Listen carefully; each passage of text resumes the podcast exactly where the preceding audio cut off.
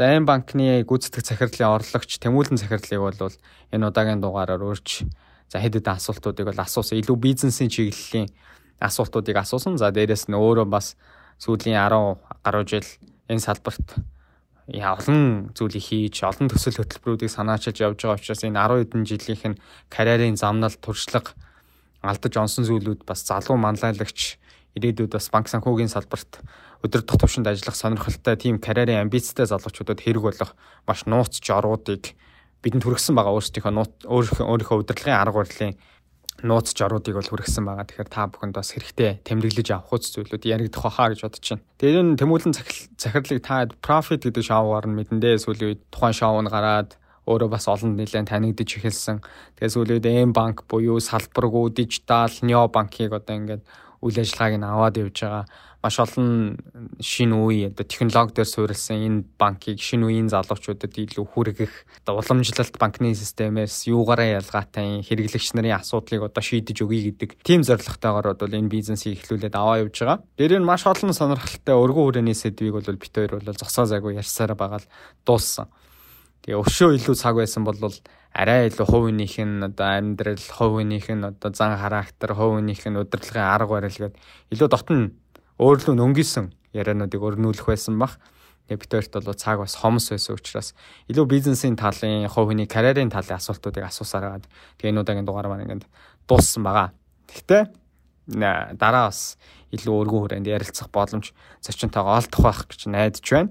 За тэгээд шин дугаараа та бүхэн мань цаг гаргаад тухтай сонсоорой аудио байдлаар подкастыг сонсно гэдэг бол өөрөө нэг талаараа бас амар гоо таашаал байдаг шүү дээ. Бичлэгтэй үзэхээс илүү аудионы чанар дууралт чинь хүртэл чихэнд илүү наалтцтай гоё яага. Тийм учраас тухтай ад жаргалтай шин дугаараа сонсоорой гэж хүсье. Баярлаа. А тийш шүү дээ.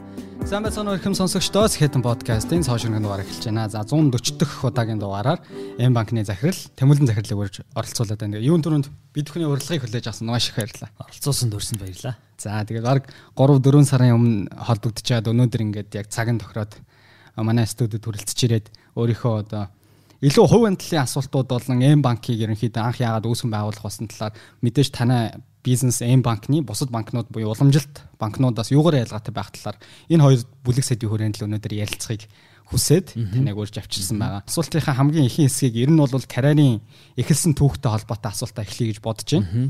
За таны LinkedIn л орж өгсөн өчтөр би. Тэгээд 2012 онд сургуулаа төгсөөд хамгийн анх за MCS группийн угшилтаа одоо тухайд тухайд ч яах MMC Mongolian Mining Corporation гэдэг одоо Хонконгийн хөрөнгөний биржээр бүртгэлтэй байгаа компани. Яагаад ер нь дөнгөж сургуулаа төгсөж ирээд MCS Group-ээр өөрийн карьераа эхлэхээр болсон бэ? Яагаад MCS Group-ийг сонгосон? За дээрэс нь хамгийн ихний ажлын гараагаа бол уулуурхайн компаниар эхэлж штэ тий. Сангуугийн шинжээчээр эхэлж байсан байна. Тэр карьер эхэлсэн түүхийг сонсоё гэж бодож байна. Хэн нэгэн санал тавьсан уу 100% таны шийдвэр байсан уу? Яг бол би 2010 онд сургуулаа төгссөн. 10 онд би ер нь бол би 2000 за 1993 онд 93 он 2003 оны төгсөгч юм уу 10 жил. Бидний сурдаг байх чи 12 жилээр биш 10 жилээр байсан. 93 онд би 33 дугаар сургуульд нэгдүгээр ангид орж исэн. Тэгээ 33 дугаар сургууль манай гэр сансарт байсан л да. Тэгээд э, сансарт би 33-ыг би 2 дугаар анги хүртлээ сураад тэгээд дараа нь манайхыг манай гэр бичлэл рүү нүүсье. Манай ээж аав хоёр хоёулаа урлагийн хүмүүс. Тэгээд урлагийн хүмүүс нөгөө нэг тухайн үед одоо юу гэдэг төрөөс боломжтой нөхцлөөр байр авах хөдөлтөж авах. Тэгээ шинэ нөгөөний хороолууд баригдчихсэн үе. Тэгээ нөгөө 3 дахь хороолын яг арталт бичлэл хороол шинээр баригдаад байсан үе. Тэгээ тэгэхэд манай ээж аваа хоёр шинээр байр аваа тийшээ ер нь нүүгээд. Тэгээ яг 33 дугаар сургууль чинь бол ер нь нилээ тийм яг л нөгөө бүх хичээл нь монгол хэл дээр ингээ явдаг юм байсан. Тэгсэн чинь ээж аав хоёр маань ер нь нөгөө гадаад хэл сурья гэдэг тэг хэл аягүй модонд орж исэн. Ялангуяа англи хэл сурья гээд. Тэгээ тэр тийшээ нүүжсэн. Тэгээ тэр хавьд бас ойрхон ямар сургуулиуд байсан гээд судалж байгаа 54 дэх сургууль руу би шилжиж орж исэн 3 дугаар ангида. Тэгээ 3 дугаар ангида 54 дэх сургуульд сураад тэгээ 5 дугаар ангид манай гэр дахиад нүгээд тэгээ 40 мянгатад ирсэн. Тэгээ 50 дугаар дэлгүүрийн хажуудалд байдаг 50 48 дугаар байр гэж байдаг. Одоо яг л 50 дугаар хүнсний 50 одоо CEO болчихсон. Яг л тэнд байсан. Тэгээд нах тийшээ ирээд тэгээ би ер нь 5 дугаар ангиасаа 1 дугаар сургууль руу ороод тэгээ 2003 онд хүртэл нэгдүгээр сургуульд төгссөн. Тэгээд сургуулаа төгсөөд э, бас айгүй олон тийшээ бас нөгөө бид нар чинь нөгөө их сургуульд орох гэхэлэр 12 жилээр зөвшөөрөгддөг. Тэгэхээр нэгдүгээр хэлний асуудал бол байсан. Хэлээ сайжруулах. А хоёрдугаарт одоо юу гэдэг 2 жил сурах шаардлагатай гэдэг. Тэгээ би дунд нэг Швейцарт нэг сургуульд яваад тэгээд Дэлхийн нэгдсэн коллеж гэж байдаг. Дэлхийн нэгдсэн коллежийн англи дахь салбарт нь би очиж 2 жил одоогоор бол IB гэж ярьдаг, International Bachelor гэдэг ярьдаг. Тэрийг хийгээд тэгээд энэчнээсээ Канада руу их сургууль руу явсан. Тэгээ Simon Fraser их сургууль би Канадад Ванкуверт 2 жил сураад. Тэгээ ер нь бол яг яг үннийг хэлэхэд нөгөө хүний нөгөөнийг ингээд тассан ч гэдэг юм уу те амьдэрч ийсэн ингээд хэв маяг нь илүү би нөгөө Европт олон жил бас сураад сүүлийн үед ингээд сурцсан байсан бол Европ руугаа буцаж явмаар санагдаад байсан. Тэгээд тэрийгээ дагааж тэр тэгээ манай сургуультай бас холбоотой нэг хөтөлбөр байсан шивэдэд очиж сүүлийнхаа сургуультай кредитээ трансфер хийгээд сурчиж болох тийм байсан. Тэгээд тийшээ очиж би шивэдэд сургуулаа төгссөн. Тэгээ 2010 он төгсөж ирээд тэгэл эмсэст бол орсон. За ер нь бол яг хүмүүс яагаад эмсэсийг сонгосон бэ гэвэл мэдээж эмсэс одоо Монголын номер 1 те хамгийн том компани. За тэр тэр тэрийг дагсан соёл байна, хийж байгаа бүтээн байгуулалтууд хамт олон тэнцээ юу гэдгийг карьерийн хувьд өсөлт хийх мерит зарчимч гэдэг юм уу те. Аа тэгээд дандаа шинийг илэрхийлдэг. Тэгээд төслийн хэмжээнүүд нь том ч гэдэг юм уу. Олон улсын одоо хүмүүсүүдтэй хамтарч ажилладаг гэдгээрээгээд одоо боломж гэж харах юм бол мэдээж MCS group бол дандаа хүмүүсийн би номер 1 сонголт байдаг болов гэж боддог. Аа зүгээр хүмүүст зүгээр би яг мэдээж энэ чи подкаст гэдэг учраас би дүү нээлттэй ярихад би өөрөө ожрал зэрэглэн яг гэр бүлийн одоо ойрхны хүн учраас а чи яагаад MCS-ийг сонгосон бэ гэвэл мэдээж тэр зорилгоор би сонгоод орохыг бол хичээх байсан. А гэхдээ а эн чинь бас нэг гэр бүлийн те одоо манай ахын гэдэг утгаараа ах маань бас чи ойрхон. Намайг дандаа ер нь бол хүүхэд байхаас тодорхой хэмжээнд чиглүүлдэг байсан бизнес тал руу. Бизнес тал руугаа. А би бол магадгүй зүгээр бас нөгөө талдаа ингээ харах юм бол урлагийн болцсон байхыг бас үгүйсэхгүй. Манай ээж аваа тийм биш тий утсаа өгч би хүмүүс аахгүй тэгээд илүү яг өвчин бүжигтэй ойрхон. Тэгээд хойно бас яг мэрэгчлэрээ одоо урдаа барьдаг нилээдүүд юм мундаг карьерийн хувьд өсөлттэй бас нэлээд өндөр түвшинд очиж исэн тийм хүмүүс байсан учраас хүмүүс учраас а би магадгүй тэр урлагийг бас сонгоцсон ч байхыг бас үгүйсэхгүй. Яг бизнес рүү ингээд нөгөө энэ бизнесийн салбарт нөгөө одоо ингээд ер нь өөрийнхөө мэрэгжлийг сонгоод ч тийм үү те. Тэгээд эмсэст ороод ажиллах чиглэл одоо тэр нэг юу road map ч гэх юм уу те. Хүний нэг юм юу яадаг хүн байдаг шүү дээ. Aspire хийдэг гэдэг шүү дээ те. Тэр утгаараа болоод ожрол зэрэлтэй гарч байгаа л тэгээд бизнес рүү орсон тий. Яг одоо нэг миний дараагийн асуулт энэ асуулт байсан. Та өөрөө төрөл хариулчлаа л. Ер нь бол саяны түүхийн талаар баг та нэг өөр газруудад ярьж байгаа байх тий. Тэгээд нэг хоёр цуу яриануд өгдөг. Яг л та шууд хэлчлээ. Од жаргал захирлын ойрын хамаатны хөхтэй гэдэг яриануд гэсэн. Тэгээд шууд та шууд хилчих шиг боллоо. Тэгэхээр ер нь зөвхөн миний дараагийн асуулт юу байсан бэ гэхээр мэдээж карьерийн өсөлтийн хугацаанд энэ 13 жилийн дотор ер нь бол таач маш хурдтай дэше ингээд өсөөд явсан харагдаж байгаа байхгүй. 10-нд ороод дунд нь бас 2-оос 3 3-аас 4 албан тушаалууд дахиад өөр өөр групп компани дотор энэ чинь маш олон өөр газрууд байгаа шүү дээ тэгээ өөр газруудад ажиллажсэн тэгэхээр энэ хугацаанд танд бас нөлөөлсөн хувь хүн карьерийн өсөлтөнд түлхэц болсон тийм хүн байгаа бол тэр хүний хуваалцааж ийдсэн ялчгүй од жаргал захирал гэж бод хариулчлаа. Од жаргал захиралтай та тэр ойр ажиллаж исэн байна. Энэ хүний удирдлагын арга барилаас тань таны өнөөдрийн эм банкыг ингээд толгойлоод аваад явж хаад таны удирдлагын арга барил шууд нөлөөлсөн тэр арга барилаа шууд хуваалцаач. За яг уу? Би бас яг уу тэгээд өнөөдөр нөгөө нэг чамаа хоёлаа чи ингээд дуулцаад 3 сар ярих гэс тэгээд энийг бас жоох нээлттэй ярил гэж бас би бодсон. Яг тэг одоо ингээд тэртээ дэргүй би телевизээр гарчихсан те. Яг бодит байдал дээр бол телевизээр гарчихсан хүмүүс намайг одоо яг үзье гэвэл цугсаалал үзэл байх л та YouTube дээр ч байж байгаа. Тэгэхээр яг нөгөө арай нэг өөр талынхаа сториг нь бас яриул зүгээр гэж магадгүй. Бидний зорилго ш таныг явчихсан зорилго бол яг тийм. Тэгээд яг уу би чинь 2010 онд яг л нөгөө ажилд ороод э, яг тухайн үед азтайч таарсан. Тэгээд намайг бол ер нь би ингээд өөрөө бол би маркетингаар ажиллая гэж дотор боддог байсан. Карьер одоо би маркетинг дээр аягүй тийм өөрийн гэсэн пашнтай ч гэдэг юм уу те. Тэгээд тэрүүгээр илүү чиглэлээд ажиллая гэж бодож байсан. Тэгээд би чинь бас нэг сургуультай оюутан байгаад нөгөө зуны амралтаар ирдэг шүү дээ. Тэгээ тухайн үед э, яг э, Unitel Group өөрөө үүсгэн байгуулад нэг олон жил болоогүй байсан. 2 3 жил болчихсон. Яг офис нь баг Rockmon шүү дээ. Одоо дөрвөн зам дээр байдаг. Тэнд бол байдаг байсан. Анхныхаа офис нь. Тэгээд доороо ингээ үйлчлэгийн эцэг мэгээ байгуулчихсан. Ерөөсөө л нэг зах зээл дээр дөнгөж гарч ирж байгаа. Тэгэхэд одоогийн бидний мэддгээр за болт гэж захирал. DD-шийн одоо CEO байгаа.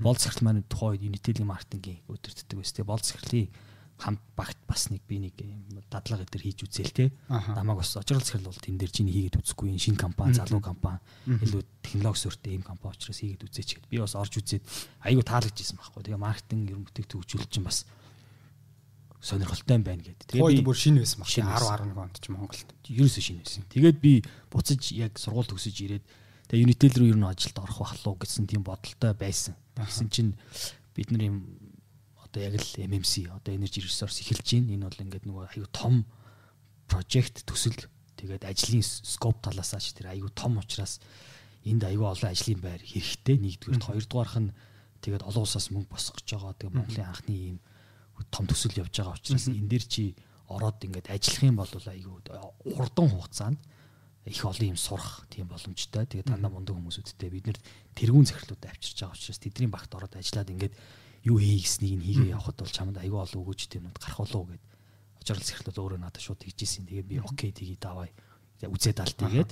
Тэгээд би ерөөсөө нөгөө нэг яг Хонконгийн хөрөнгийн бирж дээр лист хийх гэж байгаа тухайн одоо прожектыг ахалж исэн хүний туслахаар ажилд ороод тэгээ хажуугаар нь санхүүгийн шинжээч гэдэг. Ер нь бол энэ санхүүтэй аюу холбоотой учраас санхүүгийн албанаас ч гэсэн аюу олон нөгөө нэг юунууд мэдээллүүд энэ төр гаргаж өгөх ажлууд байсан. Тэгээд тийм утгаараа би тийшээ шууд ороод тэгэл тэр төсөлд ингээд ороо явцдээ. Хонконгийн биржтэр MMC чинь 2011 онд гарлаа. 10 онд. 10 онд гарсан тийм. Тэгвэл яг л тэр ажлыг бол та нэгсэн доо амжилттай болгоод Тэгээд дараагийнхаа компанид орсон байж тээ. Тэгэл яг MMC-д би бас байсан. Тэр чинь 2 жил орчим ажилласан. Тий. Окей. За одоо яг хүмүүс сонсогч нар нийгэм одоо энийг сонсож байгаа хүмүүс ингэж бодож байгаа. За 13 жилийн хугацаанд карьерийн хувьд бол та за ингээд янз бүрийн одоо санхүүгийн шинжээчээр карьераа эхлүүлээд өнөөдөр бол ингээд захирлын төвшөнд ажиллаад явж байна. Том гэр бүл хамт олон толгойлоод явж байгаа. Тэгэхээр илүү энэ карьерийн 13 жил гэдэг чинь бас урт хугацаа, зарим хүний богино хугацаа. Энэ 13 жилийн хугацаанд нэг хүмүүс анзаараагүй. Хүмүүс бол зарим зүйлийг ингээл амархан ингээл тэрийг шүү шашгалах амархан байдаг штэ. Яг 13 жилийн хугацаанд карьер хожиход хүнд танд сорилт болж исэн саад бэрхшээлүүд юу байсан. За тэрийг нь та хэрхэн даван туулж исэн. Тэр өөрийнхөө түүхийг гоё хуваалцаж 13 жилийн карьерийн энэ хугацаанд. Би зүгээр яг уу яг л нөгөө нэг одоо мэдээ зайгүй олон залуучууд сонсож байгаа бах. Хаана ажилдаг гэдэг нь бол хүнд ер нь за мэдээж аяг чухал. За тэр камп одоо хаана ажиллана тэр ямар хамт олонтой байна гэдэг бол хамгийн чухал гэж би боддог. Тэгээ эргэн тойрон чи хүмүүс чамааг одоо нөгөө инспирэшн гэдэг ч тийм өгүүлж өгдөг, хурцлж өгдөг. За тэгээ мэдээж тэр чин хурцлна гэдэг чинь өөрөө нэг талдаа хүн нөгөө ингээд э, өшөө илүү хийхийг хүсэх ёстой шүү дээ. Тэрийг даван туулна. Тэр чинь ингээд нэг юм бүх юм гоё байгаад байвал хүн ажил хийх сонирхол бас төрөхгүй ч гэж магадгүй шүү дээ. Ингээд амархан өөрийнхөө комфорт зон гэж ярьдаг шүү. Комфорт зондоо ороод эхлэхээр хүн ажил хийх гараас нь юм гарахгүй. Тэгээ удаашир нь үр дүнгүй болно гэх мэтчлээ. Юмнууд гарна. А тэнгууд ер нь нөгөө нэг залуучууд өнгө сургууль төгсөөд ингээд яваад ороод ирэхээр чинь эхлээд өөрийгөө олох хэрэгтэй шүү дээ. Ер нь зүгээр л тэр хинд хаанд энд ажиллахтаа хамаагүй байхгүй тий. Тэгээд чи өөрийгөө олох гээд явж байхад эргэн тойронд чинь чиний чи тэр хүнээс нэг инспайр болох өөр нэг хоёрдугаарх нь тэр нэг соёл гэж байна те чи яг энэ соёлд ингээд байж чадчих гин энэ соёлын чамааг өөрөө хөтлөөд хүн хэн болохыг чи ингээд тодорхойлж чадхад үнцийг өгч чадчих гин нэг хоёрдугаарх нь чи одоо тэр чи айгүй олон ажлын байрууд бий те. Хүмүүс ажлын байраа сольдог шүү дээ. Одоо санхүүгээр сурж байгаа л одоо өөр энэ шээ тийшээ программист болно ч гэдэг юм уу те. Би одоо ер нь ингээ магистр хийгээд дараа нь ийм л юм ажил хийх гээд байгаа гэд хуваараа бизнес хийнэ ч гэдэг юм уу гэд энэ бид чинь чи ингээ хүмүүс өөртөө өөртөөгөө л ажиллаад Тэгэл өөрийгөө л олно гэсэн үг. Тэгэхээр миний хэлэх гээд байгаа point нь юу вэ гэхээр сорилт гэдэг юм эхлээд бол залуу хүнд панч байсан байна. А тэрний дийлэнх олонх нь бол өөрөө өөртөө л ажиллаж өөрийгөө хинбэ гэдгийг олох дээр л гарч ирдэг. А бусдаар бол гал тэрийг явж л байдаг гэдэг утгаараа. Би бол MCS group-д ажилд орсон. За тэр дотор зөндөө олон шин төслүүд бол байсан. Аюу олон шин төслүүд рүү би орж үтсэн.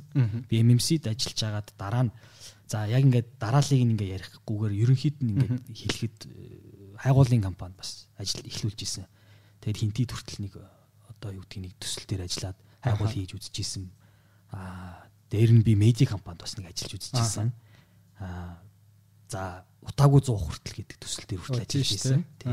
Тэр чинь бол бүр хас банк, мянганы сорилтын сан, за манаах, за өшөө хэд хэдэн байгууллагад ороод тухайн үед нэлээд хил амтай бас төслүүд байсан. Тэрний яг л бизнес хөгжлөх борлуулалт талын хэсэг дээр нь хариуцаад ажиллаж исэн байхгүй. Тэгээд тэр байсан. За тэгээд э, зүгээр сүулт би бас нэг э, яг энэ эмиг эхлэхээс өмнө ямар ажил дээр байсан гэхээр одоогийн та бүхний мэдэх ган иг гэж захирал байдаг шүү дээ. Одоо премьер премиум группийн гангар захирал захирал ярьдаг. Тухайн үед бол MCS холдингийн гүйцэтгэх захирал байсан. Тэгээд холдингийн гүйцэтгэх захиралтай гангар захиралтай бит хоёр бас 2 жил 3 жил гарan хамтарч ажилласан. Би яг нэг бизнес талаас нь одоо туслах менежерийг нь хийдэг байсан. Тэгээд бүх төслүүд нь хамт ордог. Аа ер нь ингээд ер нь ингээд юм ингээд ойлгох годохгүй те. Ер нь ингээд операшн төвшний ажил гэж бол байна. Тэр чинь одоо яг байгууллага операшн явж байгаа. А удирдах тухайн операшн явж байгаа компаниг яаж удирдах уу? Яаж өөрөөр хэлбэл asset management гэж ярьдаг шүү дээ. Энэ компани руу нэмж хөрөнгө оруулалт хийх үү? Хийхгүй юу? А тэр нь аюу олон юмнаас шаарддаг. Индастрийн одоо зах зээлийн салбар нь өөрөө өсөлттэй салбарын тий технологи явж олон улсад эргээд энэ яаж өөрчлөгдөж байгаа гэх мэтлэн зүгээр. Зүгээр тэгэл дотроо efficiency, efficiency гэдээ ярих юм бол аюу олон юмнууд бий шүү дээ. Тэгэхээр тэр хүртэл хэмжээнд ингээд ороод үзээд ингээд ойлгохын тулд аюу олныг ингээд шаттаар явсан байхгүй тий. А тэгээд энэ болгон дээр бүгдэн дээр нь чаленж бол гарч исэн. Тэгээд нөгөө юмыг ингээд нөгөө олон талаас нь ингээд хараал байна гэдэг чинь л хүн нөгөө нэг аюу том сургамжл болд юм байл л дээ. Эцэг бас том зургаар том зургаар харна. Жижиг төвшөнд харна. Тэгээд төрөл төрлийн хүнтэй харьцаж үзнэ. Тэгээд хүнтэй харьцаж үзнэ гэдэг чинь өөрөө эцсийн моментд бол хамгийн чухал скил байхгүй юу? Тэ? Хүн өдөрт галбан тушаалд очно уу? Одоо ер нь эсвэл мэрэгчлэн байна уу, менежер байна уу? Ер нь хүнтэй харьцаж сурна гэдэг л аюу чухал. Тэгээ тэрийг ер нь ингээд сурах гэдэг чинь өөрөө чаленжтэй. Тэгээд ойлголцол чадчих хүний хэлснийг ойлгоод ер нь ингэх юм шүү гэдэг. Тэрийг тунгаан боловсруулж чадна. Тэр нь өөртөө чинь ингээд гих мэтлэн ер нь хүн өөр дээрээ аюулсан л ажиллаж ижил тэр юг олон чаленжуудыг ер нь гарч давж гарч ирнэ. А MCS group өөрөө давуу тал байсан гэвэл мэдээж давуу талтай энэ олон төслүүд явж байна Тэ тэгэл ороод үзээл сураал ингээл ингэдэм юм. Аа эн чинь ийм байдаг. Энийг л ойлгочих юм бол болчих юм биш үү те. Энэ бизнесийн чинь гол цаад одоо юу гэдгийг яваад байгаа үндсэн суур зарчим нь энэ юм биш үү энийг л зүү хийх юм бол бид нар орлогоо нэмэгдүүлж чадах юм байна гэл ингээл олон тарлын төрлийн юмнуудыг ингээд сонсоод ингээд яах бол юу боломжийг бол MCS group өгсөн. Одоо таны байгууллагад өдөртөд явж байгаа M банкны үүсэл маань өөрөө 2016 онд тавигдсан дээ судалгааны ажил нь. Тий 16. Тий 16. Одоо 7 дахь жил 7 дахь жил дээр ярьж байна. М банкыг одоо чинь хамгийн анх үүсгэн байгуулах зав М банктай болно ш. Гол нь банк байгуулъя Монголд гэдэг санаа анх яаж тань төрсөн бэ? Одоо тухайд 16 онд системийн өнөөдөр байгаа том банкнууд бол зарим нь үйл ажиллагаагаа явуулж исэн, уламжлалт банк бол байж исэн. Тэгэхээр энэ зах зээл дээр ямар шинжилэл нь хэрэгтэй байсан болохоор та шинээр энэ банк Монголын зах зээл дээр байгуулъя гэдэг анхны тэр санаа төрсөн байна. Таны өөрийн санаа байсан баг тийм.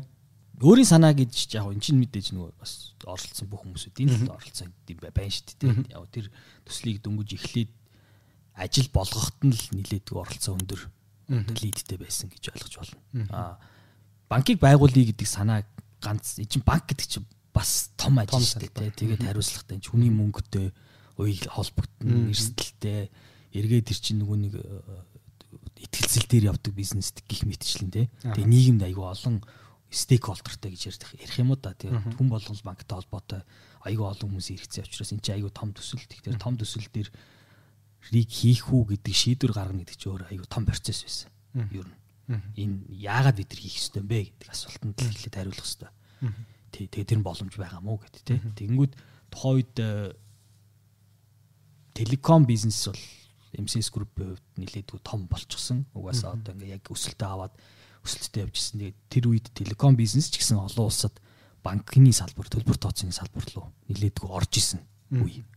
Тэгээд удирдлагын багаараа бол нэлээд бас ярьдаг байсан байхгүй брейнсторм хийж. За ер нь бид нэр хүүгийн салбар руу орох боломж байгаа юу?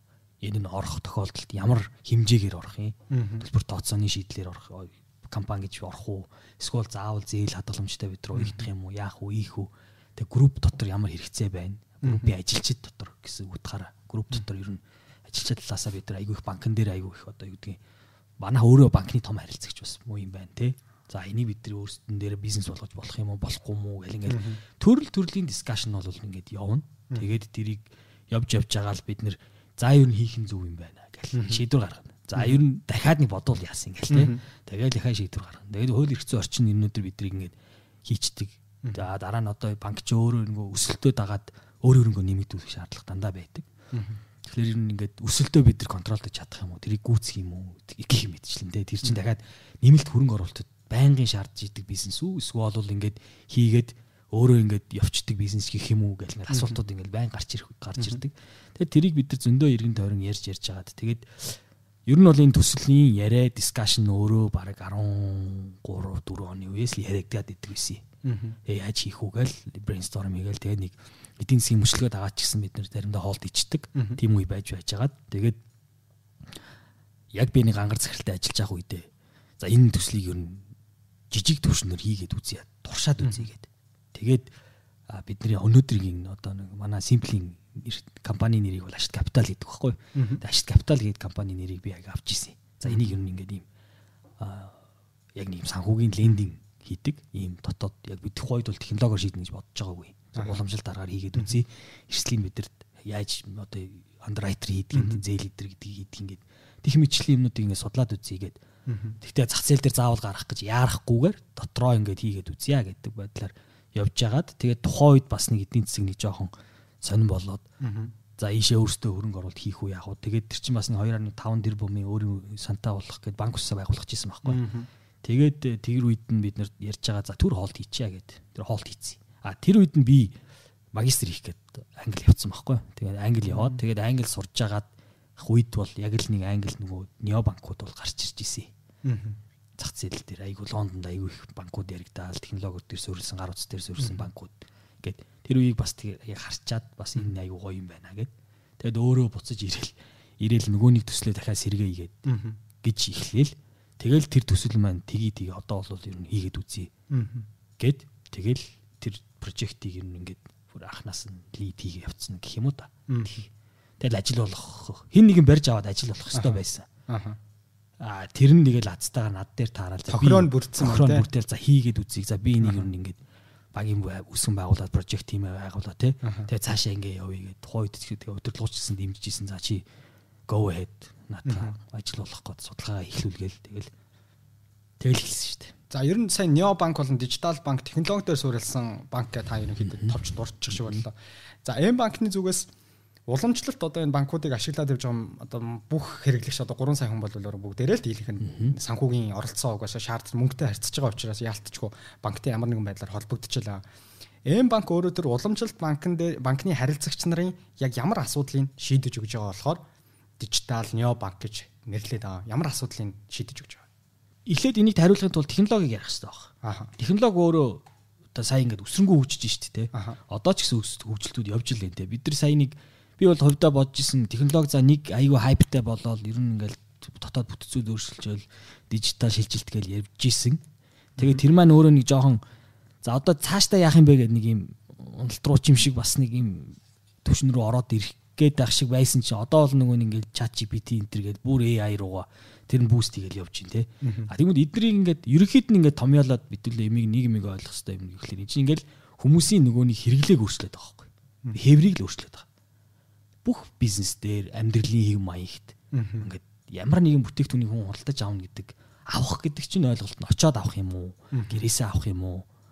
Зүгээр диван дээрээ сууж байгаад авах юм уу? Энэ бол ингээд хүний нэг дадлыг өөрчлөөд байгаа байхгүй амьдралыг. Эн чинь нэг технологи нь хөгжөөд тэрийг л өөрчлөөд байгаа. Тэгэнгүүт эн чинь нэг талдаа харилцагчийн нөгөө бид нар нөгөө ярьдаг бол customer experience гэж баруун тал ярьдаг шүү дээ. Гэтэ энэ бол хүмүүсийн хэрэглээний дадал байхгүй те.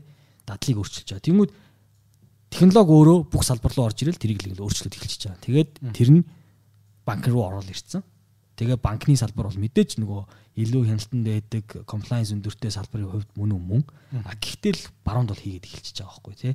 А тэгээд энэс эцсийн дүндээ хэн хождог вэ гэхэлэр ярилцагч бол хожно. Харилцагчдад байгаа одоо тэр нэг тэнцээ зарцуулж байгаа одоо цаг хугацаа хугацаа ч гэдэг юм уу, өөрийн стресс ч гэдэг юм уу тий. Одоо тэр болгоныг хязгааргүйгээр цагийн ямар ч барьергүйгээр ямар ч хязгааргүйгээр үйлчлэг авах боломжийг л олгоод өгчөж байгаа байхгүй тий. Тэгээд энэ боломжуудыг баруун тэгээд тэгэхээр ягаад Монгол хийж бас болохгүй юм гэдэг л асуулт.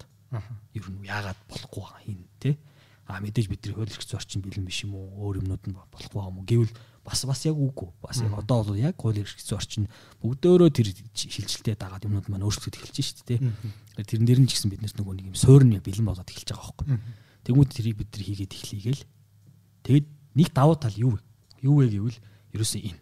Аюу том зургаараа бол. Тэнгүүд тэрийгэ дагсан нүүрэн талдаа технологи бас байж болохгүй. Арталтаа технологи байх хэрэгтэй. Дотоод артлын операшн. Тэгэхээр тэгжээж энэ хурдтай явна. Эцсийн моментод энэ чинь хурдтай үйлчлэл өгсөн шүү дээ. Бид нар өнөөдөр өнөөдөр зүгээр нэг аппликейшн интерфейс хөгжүүлчихэд артлынхаа процессыг удаан хүнээр хийгээд байвал энэ дахиад нөгөө газар очиод харилцагч суур нөгөө нэг тэр нэг дадлын тэр технологийн давуу талыг мэдрэхгүй байхгүй. Тэгэхээр эм банкн дээр бид нэр бас дараа өөр юу хийж байгаа гэхээр артлынхаа юу хийж байгаа одоо юу гэдэг дотоод процессыг автоматжуулдаг юм дээр аюу их ажилтдаг. Салбаргүй гэж ярьж байгаа. Салбаргүй гэдэг ойлголт бол зүгээр аюу дэлгэрэнгээр тайлбарлахад банкуд яг би банкуд гэдэг нь ерөнхий ойлголттой концепцаар нь ярьж байгаа шүү дээ. Салбартай банк бол яадаг вэ гэхээр өнөөдөр нэг юм гүйлгээ хийгийн ахлах нь хяндаг ахлах нь хян хяналт явна гэдэг чинь хүн хяналтаа хийн тэ. За тэнгуүтээ тэр үйлчлэг бүх ажлууд нь явж гинүү тэрэн дээр байгаа репортинг бүх юмнууд нь харилцагчийн мэдээллүүд байгаа шүү дээ. Хүмүүс очиод мэдээлэл өгдөг те. Тэгэл зээлийн материалаа өгдөг. Тэр болгосон салбар дээр нь тэрийг эргээд төв дээр авчин төв дээр өндөр дүнтэйг нь хянаач гэдэг юм уу хяналтанд хүн явна тэгээд ингэн ингэн гэдэг. Хэмжил эн чинь ингээд салбарын ард салбарыг явах аппар одоо үйлчлэг хийж болоод байгаа. Нэг. Гэхдээ артталт нь явж байгаа процесс нь маш том байхгүй. Энэ процессыг хүртэл бид нэр салбар гэдэг ойлголт нь артталт нь хийж байгаа. Автоматжуулж байгаа гэсэн үг. А тэгэхээр энэ эцсийн моментод ямар давуу талыг үүсгэх үү гэхээр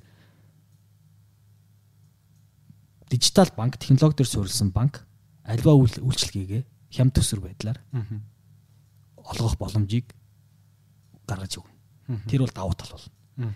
Эргээд тэр бид нар хямд төсвөрөөр одоо efficient байдлаар бизнесээ ран хийж ихлүүл нөгөө талдаа харилцагч маань энэс ялалт одоо юу гэдэг илүү үн цэнийг амнаа л гэсэн үг.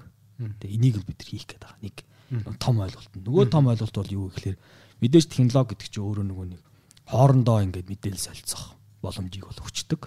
Өнөөдөр бид нар одоо ингээд харж байгаа гэхлээр нөгөө хувийн нууцын тухай хууль байна, data privacy гэж ярьж шүү дээ.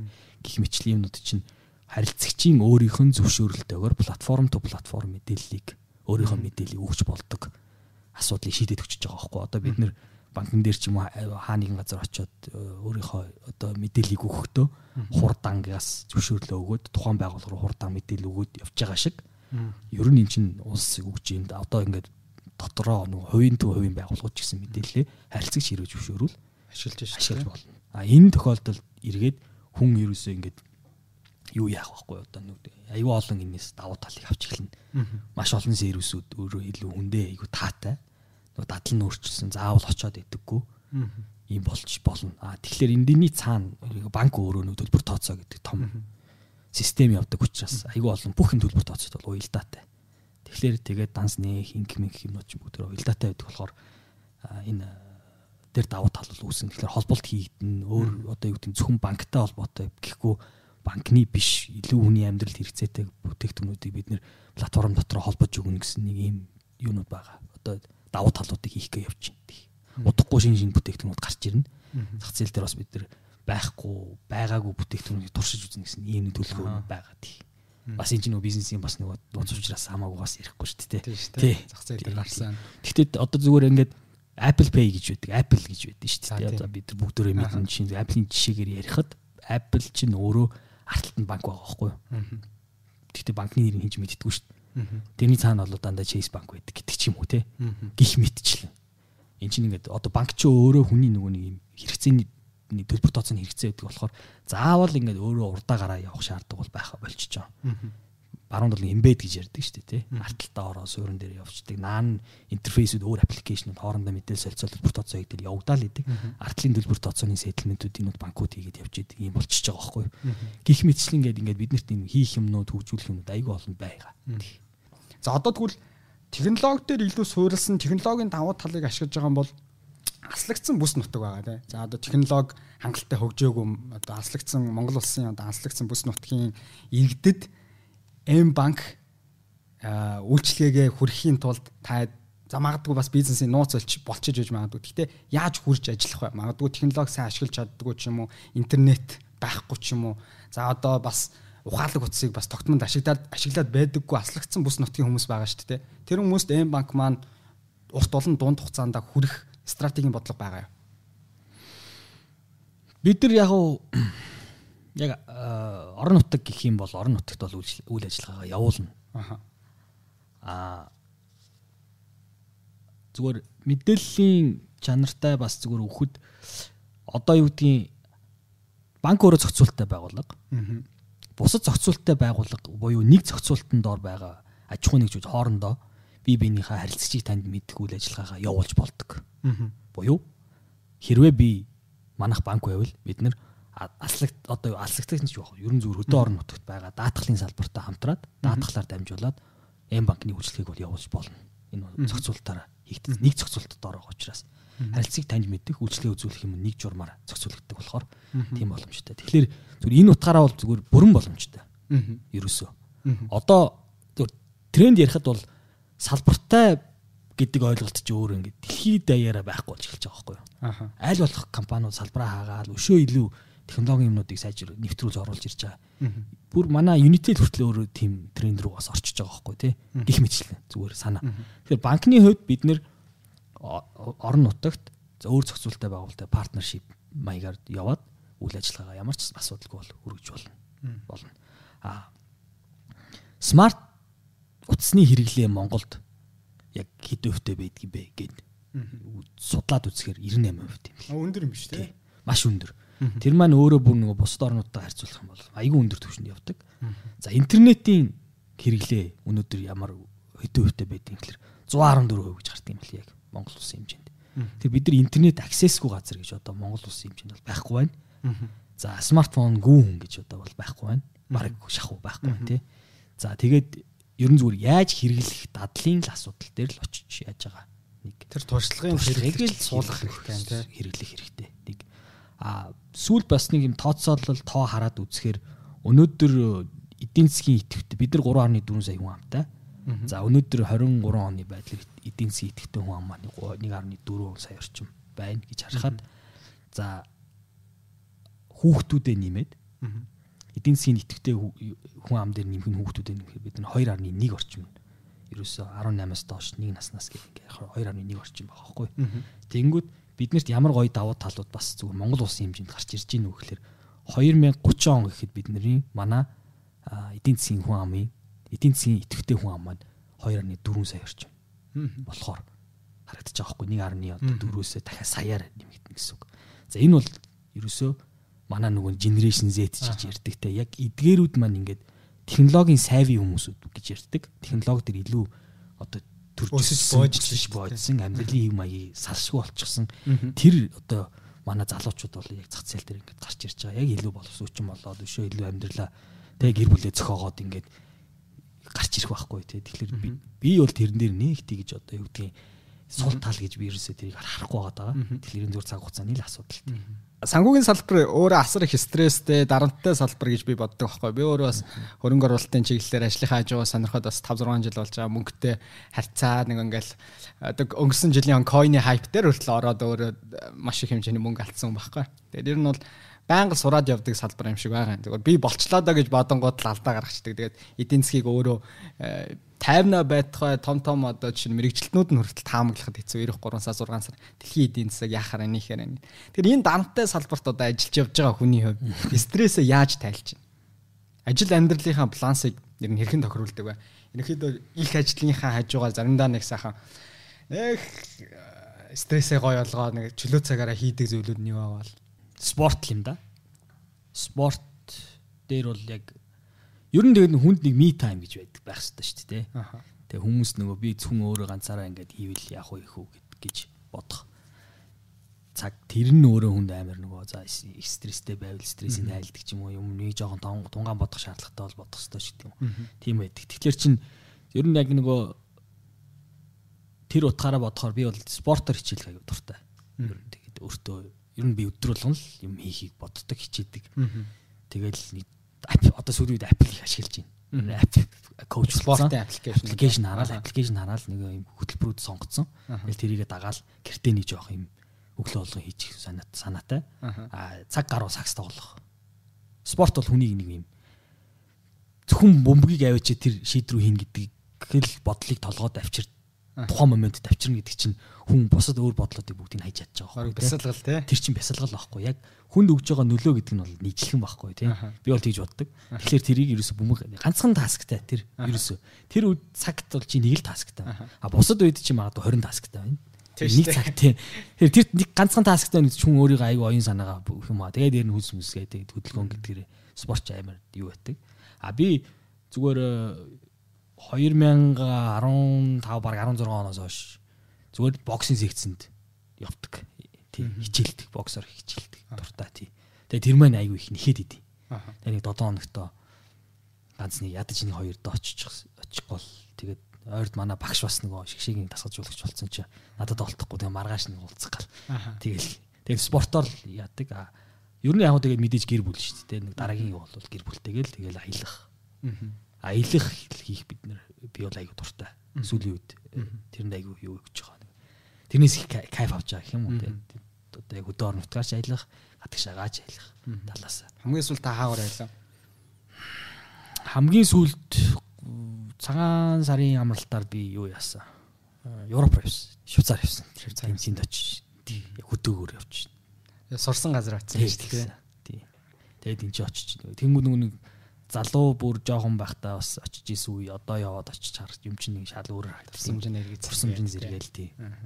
Тэнд үед идчихсэн нөгөө нэг сандвич мандвич. Идэл нөгөө эргээд нөгөө юу гэдэг чинь дишаву ч гэдэг чинь тий тийм болоод тий. Ер нь хүн нөгөө өөр ингэсэн л ми таймтай байх хэрэгтэй. Гэтэ стресс гэдэг чинь ер нь бас давуу тал давуу тал шүү дээ. Хүн стрессгүй бол ажил хийхгүй хийхгүй зүгээр гэртэл бай. Хэтрүүлж л болохгүй юм шиг тий. Хэтрүүлж л болохгүй. Стресстэй үедээ удаан байж болохгүй. Тэрийг байнгын ингээд юу яаж явах хэрэгтэй. Нөгөө burn out болчихлохгүй гэсэн үг шүү дээ. А тодорхой хэмжээнд стресстэй гэж хүн ажиллаа юм шүү дээ. Өнөөдөр би ингэхгүй болохгүй штэ гэдэг тэр мэдрэмжийг авчиж л хүн залуу хүн ер нь юм. Profit show-г одоо харж байхад за мэдээж та бол одоо хөрөнгө оруулагч хүн. А хөрөнгө оруулж байгаа бизнесүүдэд эргээд ямар хугацаанд таны анхны оруулсан хөрөнгө оруулалтын өөжийг өгөх вэ гэдэг талаас үнэлт дүгнэлт хийхийн хажуугаар тэр хамтран ажиллах гэж байгаа бизнес одоо түнштэй та таны илүү үнэт зүйл бол зарчим бас тодорхой хэмжээнд шийдвэр гаргахад нөлөөлж орж ирээд байгаа юм шиг надад бол санагдав. Тэгэхээр за хамтран ажиллах гэж байгаа. Магадгүй та одоо ингээ хөрөнгө оруулах гэж байгаа тухайн компани удирдлага хэмжүү удирдлага юм уу менежментийн төвчний хүмүүс таны ямар үнэт зүйл зарчмыг та илүү тавьдаг бай. Ер нь бол за хүн нь бол ийм байвал гэдэг ч юм уу. За миний нэг ийм үнэт зүйлтэй тэр хүмүүс нийцжээвэл хичнээн бизнес нь одоо жижигхэн өсөж хөгжөөгүй байжсан ч тэр хүнд нэг ихтгэл хүлээлгээд авьяаст нь хөрөнгө оруулчихад бол энэ бизнес явах юм ба гэдэг талаас нэг хүмүүс ханддаг шүү дээ. Тэгэхээр таны хөрөнгө оруулахад шийдвэр гаргахад гаргалт нөлөөлдөг үнэт зүйл зарчим. Хамгийн нэгдүгüүрх нь бол угаасаа тэр хүний нөгөө нэг тэр бизнесийг хиймээр байгаа гэсэн пашн. Аа. Ерөөсө тэр хамгийн нэгдүгüүрт хамгийн чухал. Тэгээд нэгдүгüүрт чухал тэр хүн а хоёрдугаар тэрийгээ яг харж байгаа скил нь байна уу гэдэг. Аа. Зарчим эхлээд бизнес нь цаашаа хөгжих юм уу, хөгжихгүй юм уу? Ер нь энэ бизнес болж чадах юм уу, чадахгүй юм уу гэдгийг л барыг 80% тодорхойлчихдаг юм шиг надад санагддаг. Тий. Аа тэгээд скил нь байна уу? Мэдээж дараагийн түвшин бол тэр чинь пашнтай хүн бол өглөө осоо тэрийгэ хийнэ гэд зүнхөө өрөөл гарах байхгүй юу? Аа. Ямар ч пашнгүй хүн бол тэгэл одоо ингээд явж шалтдаг болоод шалтдаг болоод тэгэл нэг юм Ер нь ингэдэг шүү дээ. Нэг ингээд хоёр найз нийлээд нэг бизнес эхлүүлээгээ тэнгууд нэг нь ингээл эхлээл ингээд юм ярихаар нүдэнд харагдаад шүү дээ. Халаад үгүй гэл те. Ихийн вис зөндөө байдаг шүү дээ. Би жиггэн харагдчихээн гээл те. Тэгсэн мөртлөө нөгөө ингээд яг явцын дунд нэг нь аягүй байшин дээр нөгөөх нь ингээл жоохон манай герт нэг ингээл би нэг өдөө явах боллоо ч гэдэг юм ээж дүүгээ хар гэж ингээл нэг ийм кейсүүд байдаг шүү дээ. Энэ багхгүй ер нь бол тэгээд нөгөө тэрний юу гэхлээр нөгөө хүмүүс нэг нь жоохон байшингүй нөгөөх нь амар байшинтай. Тэгээд тэр байшингийнхаа төлөө оройч суух цаг хязгааргүй тэргээ тэрийгэ бизнес болгоно ийм боломж байна. Байнгын судалгаа хийдэг. Тэгээд ийм боломжуудыг оруулж ирнэ. Тэгээд гэд хөгжүүлээ явчихдаг. Тэр пашн аягүй чухал. Тэгээд the profit-ийн хувьд бол стартапууд ч байсан, тэнд үйл ажиллагаа явуулж ирсэн бас компаниуд ч байсан байгаа. Тэгэхээр тэр дотор бол яг ингээд миний гол зарчмын нөгөө нэг фильтрдэж харсан юм бол эхлээд тэр хийж байгаа үүсгэн байгуулагч нь энэ бизнестэй өөрөө өстө маш үнэнчээр ард нь гарна гэсэн тэр чин сэтгэл хүсэл байна уу гэдг л аюу чухал. Хоёрдугаарх нь тэр хүн тэрийг харж байгаа скил буюу олон талаас нь харах хэрэгтэй шүү дээ. Нэгэн шугамар хараад бас бизнес яваад байвал тэр маань өөрөө хүчил байх уу, бизнес болж чадах уу гэдэг ч юм бас аюу одоо юу асуудалтай. Тэгээ нөгөө хөгжүүлэх ёстой, ингэх ёстой гэдэг скил гэж би яриад юм л да. Тэгтээ скил гэдгийн цаана бол олон юмнууд л тэнцээ байгаа л гэсэн үг л дээ тий. Одоо ер нь олон хүмүүстэй харьцаад өөрөө салбартаа нэгсэндээ өөрөө зүйлүүд хийгээ явчихгод баргийн хүмүүстэй дөнгөж уулзаал одоо хөрөнгө оруулалтгүй байхгүй гэх юм танаас одоо хамтран ажиллая гэж янз бүрийн уулзалтуудад ороод явж байгаа ш түншүүд ер нь бол нэлээд гадралдаг болсон багтаа. За энэ хүн чи ерөнхийдөө худлаа хэлж энэ даач гэдэг ч юм уу те. А дотор хүн ч юм уу. Ер нь бол харилцаа талаас бол одоо хүмүүсийг шууд баг таньдаг болсон баг те. Тодорхой хэмжээнд олон хүнтэй харьцдаг болсон учраас те. Эхний мэдрэмжээ бол эхний уулзалт дээрээс авчиж гэсэн үг шүү дээ. Тэгэхээр одоо дөнгөж гарааны бизнесээ эхлүүлээ явж байгаа залуучууд ч юм одоо энэ залуучууд шинэ үеч тэр утгаараа юм уу өөрийн гэсэн юм хий гэдэг л болчиход байх шиг байна. Өөрөө нэг юм ингээд одоо тэрэн заавал бит хөрөнгө байхаас илүү бүр одоо сүүлийн үед дижитал ассет буюу дижитал хөрөнгө гэж ярьдаг болсон. Өөрийн дижитал хөрөнгийг бий болгочих гээд. Тэгээ тэрэн дээр хөрөнгө оруулалт татах гад за тань дээр ч юм уу одоо хэн нэгэн дээр хөрөнгө оруулагч дээр ирээд уулзж чинь гэж бодъё л да. Тийм үү тэр залуучуудад саяны хэлсэн хоёр зүйлээс өнгөж эхний уулзалтан дээр ирээд за нэг танд ингээд за надад нэг 5 минут л байна. За чигээс э, ярих гэдэг бол зорилгоо надад танилцуулчих. Чи надаас яг юу хийсэ та за бизнесээ ярьчих гэвэл та юуг анхааруулж хэлэх вэ? Нэг 5 минут л тэр залууд бол олдчиход шүү дээ. Чи наатаа яг бизнес болохыг яг болно гэдэгт яг бүр ихтэй байгаа юу л гэдэг асуулт чухал. Бизнес болно. Бизнес гэдэг чинь тэгээ зах зээл байгаа юу гэдэг нэг Нэгдүгürt чиний их гээд байгаа юм хин ашиглах юм бэ? Эцсийн эргэлт чинь хин тэр хүн яг ашиглах юм уу? Тэгэд чи ямар асуудлыг шийдэж байгаа гэдэг. Альва бизнес заавал нэг асуудлыг шийдэх хэрэгтэй. Хүн асуудлынхаа төлөө мөнгө төлдөг. Энэ миний энэ асуудлыг шийдэж байгаа учраас би энэний төлөө төлбөр төлж чиний үйлчлэгийг авна л гэсэн үг. Үндсэн зуур ойлголт бол тийм шүү дээ, тий. Тэгэхээр чи хийж байгаа бизнес чинь хин нэгэн хүний асуудлыг шийдэж байгаа юу? Нэг. А тэр асуудал чинь өөрөө зах зээл дээр хэр түгээмэл юм олон хүний асуудал уу? Хоёр хүний асуудал бол тэр чинь сонирн биш. Тийм биз дээ. Чи массын том асуудлыг шийдвэл энэ өөрөө том зах зээлтэй орлого олж болохоор бизнес. Ерөөсөө л тэр. Тэгэхээр хүн бизнес хийхлээрээ хийхдээ тэрийг харах хэрэгтэй байхгүй тий. Би шинэ айдиа байна. Гоё юм хийж хийх амбиц одоо юу гэдгийг хүмүүст инспирэшн зөндөл байдаг л да. Гэхдээ тэрийг нь эцсийн моментод нь хин хэрэглэх юм. Хин тэрний төлөө мөнгө төлөх юм. Олон байгаа мó цөөхөн байгаа гэдэг дээр л эхлээд хариултаа аюу сан тодорхойлох хэрэгтэй. Тэгээ нөө pain одоо pain гэж ярьдаг асуудал асуудлыг дагсан үнцэн бизнес нь өөрөө үнцэн тэр үнцэн чинь өөрөө тэр хүний асуудлыг л олон хүмүүсийн сегмент гэж ярина гэл ингээ нарийн орвол аюу ол юмэр орчих шүү дээ. Тэгээ нөө хүмүүсийн value proposition гэж яриад байдаг асуудал руу яваал орчин тий. Тэгэхээр дараа нь тооцоо хийж үзэн хэдэр үнэлэх яах юм. Нь бол нэлээд судалгаагаал залуучууд маань хийх хэрэгтэй юм шиг. Судалгаа хийх хэрэгтэй. Нэг юм нэг хошуу угаагаад үздэг хүмүүс за монголчууд эрсдлийг ерөөсө тооцдог. Юмыг судалж үздэг. Зүгээр шууд хийчихэл гэдэг дээ. Тэгээ хийж үзээд эртхэн алдчихъя гэдэг тийм тэнэг зөрөгтэй хүмүүс гэж хүмүүс бас яриад байдаг. Тэгээ залуучууд маань нэлээд судалгаагаа сайн хийх хэрэгтэй юм шиг. Судалгаагаа сайн хийх хэрэгтэй. Тэгээд за би зүгээр дотроо бас нөгөө нэг юмыг би бол профит нэвтрүүлгийн дараа айгуу сайн нэг юмыг ойлгосон. Тэр нь юу вэ гэхээр хүмүүс бизнесийг эхлүүлэхдээ бизнес гэж харддаг юм лээ. Энэ хоёр зарчмын ялгаа яваад байгаа. Нэг нь зүгээр миний ажил гэж хардаг. Нөгөөх нь бизнес гэж. Аа энэ хоёрыг ингээд зарим нэг хүмүүсүүд энэ зүгээр би ажил хийх хүч ажилтаа бай өглөө босоод тийшээ очиод ажиллаа хийгээд тэгээд цалингаа аваад тэгэл ингээл явж байна. Аа тэр нь ингээд ашигтай байна уу? Энийг томруулах нь уу? Томруулахын тулд би юу хийх ёстой юм? Тэ? За манай хүмүүс ингээд энэ дотор ингээ процессыг зөв явж гинүү би илүү коста хэмнэх юм уу? Тий борлуулалтаа юм сувгаа нэмэх юм уу? Бүтээгдэхүүнийхээ төрлүүдийг сайжруулах юм уу гэд эн чинь ингээ бизнес гээд ярих юм бол аюу олон юмнууд орж ирж штэ тий миний танигдсан байдал хэрийн маркетинг зарын санхүү мах бүх юм а Монголд аюу олон хүмүүс бизнесийг зүгээр ажил гэж авс хард юм байна л гэж би дотроо бодсон. Гэдэг нь юу гэхээр муудаж биш сайн энэ муу муу тал гэж бод биш. Гэдэг нь бизнесээ бүр ингээд томруулаад бүр ингээд ингээд цааш нь ингээд алсын хараагаа томьёолоо тодорхой болгоод ингэх ёстой юм биш үү? Миний алдаад байгаа юм энэ ингэчих юм бол манай компани хашгаад идэвээр сайжруулна гэд. Тийм бизнес плануудыг нэг тийж нарийн хийдэггүй л гэсэн үг. Тэгэхээр зарим нэг хүмүүс маань бол тэгж хардаг, зарим нэг хүмүүс нь тэгж хардаг юм байна л гэж би зүгээр дотроо бодсон. Тэгээд ер нь профитийн нэвтрүүлгийн гэр үгүй гэсэн миний гол мессеж бол арай нэг өөр өнцгөөс юмыг хараач. Гэхдээ заавал албагүй.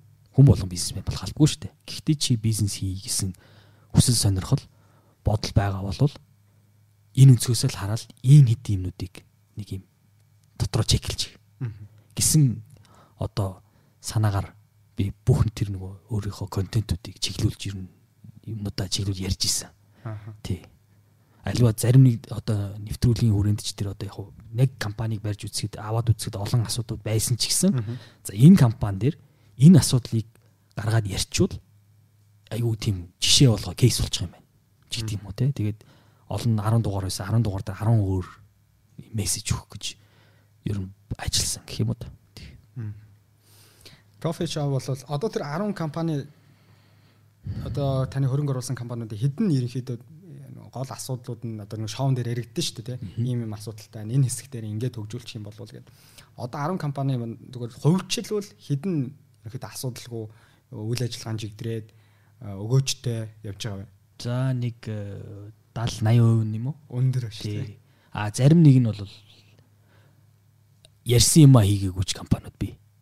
Тэгээд нөгөө ер нь бол одоо юу гэдэг Тэр 20% уналтын шалтгаан тэгвэл анх тохирсон зүйлээсээ буцсан л гэсэн үг байна те. Хийн хийжсэн зүйл хийж чадаагүй гэсэн. Одоо тэр 20% бүтлгүүцсэн шалтгаан нь юу байж болох вэ? Олон шалтгаан бий. Тийм, олон шалтгаан бий. Бас зарим тохиолдолд би ч гэсэн бас өөрөө тэрэн дээр цаг зарч чадахгүй байгаа ч гэсэн кейс бол бас бий. Тий. Тэгээд дахиад нөгөө эргээд нөгөө хүн маань өөрөө ингээл банкинг ажиллаал те. Тэгээд нөгөө пашнтай байх хэвээр амарч болохгүй комфорт зонд орж болохгүй. Тэгээ шинэ боломжууд гарч ирвэл тэрийг хийж явах хэвээр гэл гол нь тэр юм руугаа л эргээд буuna л та. Тэр хүсэл эрмэлзэл гал гал хүсэл эрмэлзэл ер нь нэлээд чухал ах бизнестэй. Пашн гэдэг үг а энэ таны ярианаас баг 3 4 удаад ордог чинь. Тэгэхээр манай залуучуудаас юм дээр. Тэгээ бизнесийн хэрвээ бизнес модель гэж байна шүү дээ. Чи яг хаанаас орлого олох гээд байгаа. Чиний зарлалын төв чинь юу юм? Энэ орлого чинь үйл ажиллагаагаа одоо дааж чадж байгаа мó гэх тэгээд тэр нь үе ашигтай ингэх мэтлэгээ зүгээр энгийнээр ярих юм бол бизнесний орлого нь одоо физ өртөө байх юм уу сервис өртөө бизнес ч юм уу гэл ингээд янз янзын байдлаар ярьж болно. А гэхдээ тэр бизнесийн модель чинь өөрөө ажиллахгүй байвал дараагийнхаа модель руу шилжих хэрэгтэй шүү дээ. Энэ энэ жоохон боломжгүй байна. Гэлс маневр. Гэлс маневр. Ялангуяа стартапууд бол эхлээд нэг гарч үзлээ. За энэ юу зах зээл дээр бид нар ингээд одоо бид нар нөгөө нэг ийм судалгаа хийгээд assumption хийсэн чинь ийм юм хүмүүс ашиглах юм байна гэсэн яг бодит байдалд ирэн жоохон хэцүү байна гэвэл дараагийн юу гяс shift хийгээд маневр хийгээд тэр чинь стартапуудын боломжууд баггүй тэгэхээр стартапууд бол ялангуяа бүр тийм байх хэвээр тэгээ тэрийг скиллүүд нь тэр нөгөө нэг арга барилаараа ажиллаж чадж гин үү гэхгүй юу гэдэг гих мэтлэг юмуд бас. Тэр компаниуд дээр аяг гарна л та. Тэр тэр юуг нь үнэлтээр ур чадваруудын үнэлтийг танд нэг хэд хэд нугасаа техник аргачлалууд байгаа х тийм аргачлал одоо яг өөрийнхөө байгууллагаас та хамгийн за нэг манай байгууллагын үнц нь бол яг ийм юм аа гэд хэлчих юм бол та нэг л зүйл хэлье гэвэл байгууллагын үнц нь яг юу вэ? Харилцаж өгөх үнц нь үү эсвэл өөрөөсөө яг яг өөрөөсөө та одоо байгууллагаараа ингээд нэг бахархаа за манай байгууллага бол ийм учраас би байгууллагаараа бахархаж явд юм а гэдэг ганц зүйл хэлье. Соёл. Соёл. Соёл. Ер нь бол нэг ийм үг байдаг шүү дээ. Соёл англиар болохоор бол culture eats the strategy in the breakfast гэдэг байхгүй юу. Ямар ч стратеги байсан соёл нь байхгүй бол тэр стратеги ажилтгүй ажиллахгүй. Тий. Тэгэхээр ямар компани юу хийх гээд байгаа юм? Тэрийгэ дагсан, тэрийг одоо илүү нөгөө ингэж өөх одоо юу гэдэг юу гэдэм дээ. Өвшүүлэгч гэдэг юм уу, илүү спорт хийх гэдэг юм уу, тэр соёлыг тэр компаниг тэр нэг зорилгыг стратегийг хийх гээд байгаа. Одоо манайх жишээл технологийн хоор дээр суурилсан компани банкыг хийх гэдэг шүү дээ. Тэнгүүд бид технологийн суурьтай соёлыг л хийх хэрэгтэй. Илүү стартаплаг тий. Одоо банк гэхлээр илүү тийм одоо бюрократик ч гэдэг юм уу те байж болохгүй. Илүү одоо хүмүүс прожект суурьтай явах хэвээр шийдвэр гаргалтаа өөрсдөө хийдэг байх хэвээр хүн болгон би owner гэдэг мэдрэмжтэй байх хэвээр ч гэдэг юм уу те. Их мэшлийн соёл. А тэгжиж хүмүүсийн оролцоо гэд энэ юмнууд явна. Тэгэхгүй нэг хүнээс шийдвэр гардаг буюу байж болохгүй ч гэдэг юм. Тэгэхээр би бол соёлдлыг л хамгийн чухал гэж хардаг. Залуучууд өөрсдөө юмаа санаачлаад ороод ирэх юм бол өөрсдөө төслөө санаачлах юм бол хэрэгжүүлэх төр боломж төр соёлоо хангаад өгчүүл. За хүн болгон одоо нэг шин зарим хүмүүс чинь нэг тогтсон газараа 4 жил 5 жил ажиллаад эхлэхээр нэг өөдчдөг те нэг л хэвийн юм аяг хөгжгөө байждаг. Тийм соёлыг байхгүй болгож байгаа л гэсэн үг шүү дээ. Хэдий удаан удаан хугацаанд нэг юм хийжсэн ч өдөр болгоны хийж байгаа тэр таск буюу ажлаасаа тухайн хүний сурах орчныг бүрдүүлээд өгч ийл гэдэг л эрхэм зорилготой байж байгаа юм Окей, маш гой сонсогдож байна. Сүүлийн байгууллагууд чинь нөгөө хүн төвтэй байгууллага гэж маш их ярьдаг болчиход байгаа хүн төвтэй. Гэхдээ эсэргээр одоо юм чинь өнгөрсөн жил бол coin нилээн ингээд том давлгааг аваад маш олон хүн шуурлаа. Одоо энэ жилийн тренд нөгөө хиймэл оюун ухаан болж ах шиг байна. Хүн болгол хиймэл оюун ухаан гэдэг зүйлийг ярьдаг болсон. Тэгэхээр энэ жилийн хиймэл оюун ухааны энэ том давлгааг танай компани зүгээс за та хэдийн зүгээс энд энэ дээр ямар нэгэн давуу талыг ашиглаад шинээр хэрэгжүүлж байгаа төсөл байгаа болоо. AI-ыг хэрхэн за хиймэл оюун ухааныг хэрхэн яаж э, өөрийнхөө бизнест ашиглая гэсэн төлөвлөгөөтэй байгаа. Тестийн шатанда бас нэг ажил явж байгаа. Тэгээд тэр маань яг уу жоохон удаашралтай байна. Гэхдээ харилцагчийн үйлчлэгэн дээр харилцагчийн үйлчлэгэн дээр AI суурьтай алгоритмуудыг тестэлж байна. Яг чат чат based гэх юм уу та. Шууд хариу өгдөг. За тэгээд нөгөө яг одоо яг хиймэл оюун ухаан дээр бас нэг асуудалтай юм байдаг нь манай хэлний асуудал. Монгол хэл. Тэгээд монгол хэлний асуудал бид нар галгаар өвчдөг. Тэгээд хүн болго өөрөөр өвчдөг. Үүсгийг шууд V-гээр англи V-ми оруулаа тий. Тэрийг нь бас нэг ойлгуулах. Тэгээд айгүй олон утгаар асуудаг монгол хэл чинь. Тэ Тэгээд нэг юм нэг асуултыг айгүй олон янзаар асууж байна. Тэгээд үйлдвэрийн бүтцүүд нөр хүмүүс их замраагүй ярьдаг. Би ч гэсэн жоохон замраагүй ярьдаг гэдэг шиг. Тэр шиг тэгээд тэрийг сургах юм маань жоохон чаленжтай байлээ. А гэхдээ бол боломжгүй ш боломжтой. Тэгээ харилцагчийн үйлчлэгийг бол бид нэр ер нь хамгийн дөрөнд хамгийн бүрэн автоматжуулж болох боломжтой нэг юм. А бидний хийчихсэн байгаа юм бол бид нар зээлийн кредит скорингийн ажлыг бол яг одоо машин суурьтай гэх юм уу та. Тэгэхээр хийж байгаа манай яг ямар ч хүний оролцоогүйгээр яг машин суурьтайгаар а манай зээлийн оффроуд бодогддог. Эрсдлийн эрсдлийн үнэлдэг харилцагч байгаа эрсдлийг үнэлдэг энэ хүмүүсийн орлогыг одоо орлогын мэдээллүүдийг баазаас нь татаад өөр өөр мэдээллүүдийг аваад дотроо бодоод тэгээд өөрсдийн гэсэн модель дээр алгоритм дээр яваад тэгээд юу гэдэг тэмүүлэн гэдэг үе юм хэмжээний зээл авч болох юм байна. Их мэтлэг юмнуудыг манай бол бүрэн автоматжуулсан тэр маань өөрөө машин суурь тавьж байгаа. Тэгэхээр манайх өөрөө суурь нь өөрөө тийм юутай компани болохоор угаасаа аяхан дээр суурилж байгаа. Байнгын хөгжүүлэлтүүд угаасаа үн шаттайгаар нийтэд явах хэрэгтэй тийм. Хид хідэн гадны модулуудыг бид нар нэвтрүүлж гин туршиж үзэж гин а байгаагүй бүр модулуудыг ч оруулж ирж байгаа. Шинэлэг юмнууд байгаа. Тий. Одоо санхүүгийн салбар за одоо банк юм чинь санхүүгийн салбарт та одоо захирлыгээд баг хөдөр тавьж байгаа манлайлагч хүний за яг энэ салбарт санхүүгийн салбарт одоо гүйцэтгэх захирлын хэмжээнд би очимоор байна гэдэг амбицтай залуучуудад хандаж зөвлөгөө гэм бол яг гүйцэтгэх захирал болъё гэсэн амбицтай залуучуудад хандаж зөвлөгөө гэвэл ямар ур чадварыг одооноос ерөнхийдөө төлхөө хөгжүүлээд явах юм бол гүйцэтгэх захирлын өсөлтөх хэмжээнд очих бай. Зөвлөгөө гэвэл одоо тийм замбистуудад өнгөж хүн санхүүгийн салбар. Тий, санхүүгийн салбар. Яг санхүүгийн салбар чинь бас нөгөө бусад салбаруудтай ингээ харьцуулаад харахаар зохицуулт нь арай өндөр.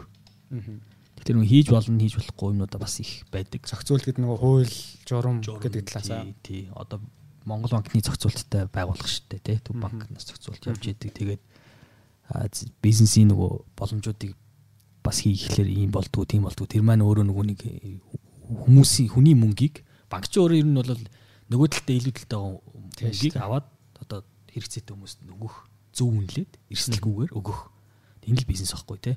А тэрийг дагаад дотор нь хөлбөр тооцооны асуудлууд бас явж идэг. Илүү одоо пеймент нь бол нэлээд хөгжөөд яваад ирлээ шүү дээ. Тэгэхээр энэ талаас buy buy site чи sell site чи ярьдаг шүү дээ. Тэгээ одоо илүү нөгөө дахиад нөгөө wealth management гэдэг юм уу өөр янз янзын хөгжөөд юмнууд явчихсан. Энэ нөгөө илүү талтай хүмүүсүүд чи өөр юмнууд хэрэгцээ үүсчихэж байгаа. Талтай хүмүүсүүд хэрэгцээтэй хүмүүс дахиад өөр хэрэгцээ үүснэ гэдэг юм. Тэрийгээ дагаад дунд нь ийм bridge хийж байгаа. Эрсдлийг зөв үнэлж өгч байгаа тийм бизнес. Тэгэхээр тэрийгээ дагаа зохицуулт нь аюу өндөр. Хүний мөнгийг эрсдэлд оруулж болохгүй гэдэг те. Тийм утгаараа Тэгээ гинт нэг хүн энэ мөнгө хэрэгцээтэй болоод мөнгө авч болно шүү дээ. Тэр өгч явах хэрэгтэй. Өгөхийн тулд бид нэр тодорхой хэмжээний нөөцтэй байх хэрэгтэй. Тэр нөөцийг яаж зөв удирдах менеж хийх ингээд asset liability энэ төргээд явдаг шүү дээ. Тэр мэр ингээд гээд явдаг. Тэгэхээр тэр талаас аягүй их зохицуулттай. Тэгэхээр зүгээр карьерийн хувьд CEO болох гэж байгаа хүний хувьд яг хоо энэ салбарын нэг онцлог зохицуултын юмнуудыг аягүй сайн нэгдүгээрт ойлгох хэрэгтэй. Хоёрдугаарх нь эрсдлийг зөв менеж хийдэг байх хэрэгтэй. Тэр нь микро төвшний эрсдэл байна, макро төвшний эрсдэл байна. Эрсдлийг аюулсаа хардаг байх хэвээр. Чи хүнээс мөнгө аваад нөгөө талдаа бизнесийн зээл олголоо гэж бод. Тэр зээлийг авч байгаа бизнесийн тухайн үеийн байгууллага нь өөрөө ямар салбарт үйл ажиллагаа явуулж байгаа тэр салбар нь өөрөө эрсдэлтэй юм уу, эрсдэлгүй юм уу? За тэрийг үнэлдэг схемүүд нь юу байдгийг тэрийг аюул сайн сурч харж явах хэрэгтэй. Хэмжлэн. Гих мэтлэн зүгээр эрсдлийг сайн хардаг байх хэвээр. А мэдээж тэр бол салбарынх нь өөрийнхөө онцлог те. А удирдаг арга барилын хувьд бол тэгээд дахиад нөгөө юу хийх гээд байгаа ямар банк байгуулах гээд байгаа те ямар санхүүгийн байгууллага байгуулах гээд байгаа гэдгийг түрүүний соёлын асуудлаа өөрөө харах хэвээр соёлыг хийхийн тулд лидершип скиллүүд хэрэгтэй тэ лидершип скил гэхэлэр ч одоо тэгэл дахиад янз янзын юмнууд орж ирж шүү дээ харилцааны асуудал хүнтэй ажиллах хүнтэй ажиллах юм байх уу гэдэг юм байна. Тэгээд нөгөө эргээ зөв багцлаад хэлэхэд нөгөө нэг hard skill гэж ярьдаг soft skill гэж ярьдаг одоо монголоор юу гэж хэлдэг юм би бол яг мэдгүй хатуу юу гэхгүй шүү дээ. Нэг нь бол илүү хүнтэй удирдах яаж ажиллахын харилцааны асуудлууд байдаг. Нөгөөх нь илүү өөрсдийнхөө яг мэрэгжлийн түвшний юмнууд байх хэвээр хөлнгийн л хардаг байх хэвээр. Тэгээд а лидер хүний хувьд гэж харуул би юун дээр их анхаарч зүгээр өөрөө боддгоо гэхэлэр ямар бизнес түрүү хэлсэн соёлын асуудал байна. Хоёрдугаар нь чи өөрөө тийм микро менежменттэй компани буюу өдөр болгон чи юм хийж гин юм хийж гин юм хийж гин те ингэдэг соёлыг хэмүү хиймээр байна уу? Эсвэл чамд би найдлаа, итгэлээ. Чи ямар таск өглөө чи тэр таскыг үр дүн чухал гэх юм уу? Үр дүн ориент гэх юм уу те. Тэгээ би чамд итгэнэ гэд явах юм уу гэдэг. Ер нь энэ аюу чухал надад. Та аль нь? Би бол макро макро төвшний. Макро макро төвшний. Гол нь хүн хамтрагчаа ч гэдэг юм уу өөрийнхөө байгууллагыг байгуулахдаа чи менежерүүдээ өөрөө багтаа авна шүү дээ. Багтаа авахдаа ямар фильтрээр автах ах вэ гэдэг аюу чухал. Буюу хүний нөөцийн асуудал ороод ирнэ. Тэр нь энэ хүн чадах юм уу? Яг энэ ажил дээр болж гэнэ үү? Тэрийг дагсан скил нь байна уу гэдгийг л хамгийн дөрөнд зөвөөр онгоод сонгоод сонголтоо хийгээд авчаадаа тэгээд бага бүрдүүлж чадах юм бол макро төвшин ажиллана. Мэдээж сонголтоо анханасаа буруу хийчихвэл тэгээд эргээ чи ажлаа хийж гин хийж гин хийж гин гэж шүү дээ. Шаардлагаас шаардлагаас шүү дээ. Болно шүү дээ. Тэгэхээр чинь тэгээд ер нь тэгээд нөгөө нэг эргээд би яг хөө чөлөөтэй ярьж байгаа хүний нөгөө нэг салаас би илүү илүү нөгөө нэг юм дотоод талаас нь яриад шүү дээ тий. Аа яг ингээд нөгөө бизнес хийн гэдэг бол яг communication асуудал юм байна л гэж би зүгээр дотроо сүлд бодоод байгаа. Тэгээд хоёрдугаар нь мэдрэмжийн асуудал. Hard skill-ийг би бол ажилчдаа зөндөө хэлдэг байхгүй юу? Залуучуудаа ажилчдаа гэж муухай хэллээ. Залуучуудаа юу гэж хэлдэг вэхлээр hard skill-ийг бол хүн сурна. Одоо сурах зөндөө болож байна. Чи одоо нэг Excel ажиллуулах гэвэл сураадах гэвэл сурчна. За номын уншаа сурчна. Бараг Google дээр сурчна. Google дээр сурчна. Chat GPT-ээр гарчлаа. Тийм сур. Эргээд бизнес юун дээр очиод одоо амжилт нь юун дээр илүү үнс нь явж ийн хөлөр яг soft skill байхгүй. Яг хүний өөрийнх нь тэр эргээд нөгөө хиймээр байгаа сэтгэл, passion, communication, мэдрэмж тийм юм дээр л явдсан байна даа л гэдэг надад сүүлийн үед тийм одоо юу төрөд байгаа. Эсвэл би өөрөө чадахгүй бол удирдлага хүний хувьд одоо юу гэдэг яг чаддаг хүнийг нь олж болно шүү дээ. Hard skill дээр. Хамгийн сайн одоо юу гэдэг дата аналистик авчираад ингээд за чи ингээд хоёул хамтраад ажиллая гэхэд үзээ талтыг юм дандаа нээлттэй байдаг боломж. А гэхдээ тэр хүнийг авчираад ажилуулад үр дүн гаргана гэдэг чинь л одоо удирдлага хүн удирдахч хүний хувьд хамгийн чаленж яваад байгаа юм. Та өнөө нөөцгээд яг миний орхигдуулсан байсан сэдвээ гоё хөндчлээ. Аа сүүлийн үед за байгууллагууд хүнээ тогтоон барина гэдэг өөр асуудалтай болчоод байх шиг байна. Нэг хүн аваад мэдээж таны хэлж байгаагаар зөв хүнээ авдаг, нөгөө зөв хүнээ сургадаг, сургахад тэр чинь цаг хугацаа орно, мөнгө орно, аль аль нь орно. Тэгээ бэлдсэн хүнээ буцаагаад алдчихдаг өөр байгууллага. Тэр хүнээ тогтоом хэрхэн яаж тогтоом барьж байна? Хүний нөөцийн бодлогоороо мэдээж барьж байгаа бах. Тэгэхээр илүү хүндээ ээлтэй мэдээж түрүүний хэлж байгаа нөгөө соёлыг бүрдүүлж гэн гэдэг орчих бах. Юун дээр нэмээд юу юу орчин танахаас хүний хэрхэн тогтоом барьж байна түгээмэл хариулт бол мэдээж одоо юу гэдэг амьдралын хэрэгцээнд нь шаардлагатсан бенефит ч гэдэг юм уу те одоо санхүүгийн шаардлагатай бол одоо компаниас өгөх урамшуулал хөтөлбөр сургуульд соёлд гэдэл хөнгөлтэй зээлч гэдэг юм юмнууд ярина л да. Ярина. Тэр бол байх угаасаа суур одоо байх хэвээр юу. А түрүүн дахиад хэлсэн дахиад тэр соёлын асуудал бол тэгээ хамт олон асуудал аюул тавигдах нь шүү дээ. Нийт тавигддаг гэж би боддог. Хүн нөгөө нэг э, ажлаа сольдгоо удирдлагаа сольдгоо гэдэг удирдахчаа сольсон л гэж ер нь нэг тийм үг байдаг шүү дээ. Хүн ер нь удирдахчаа тагч явдаг.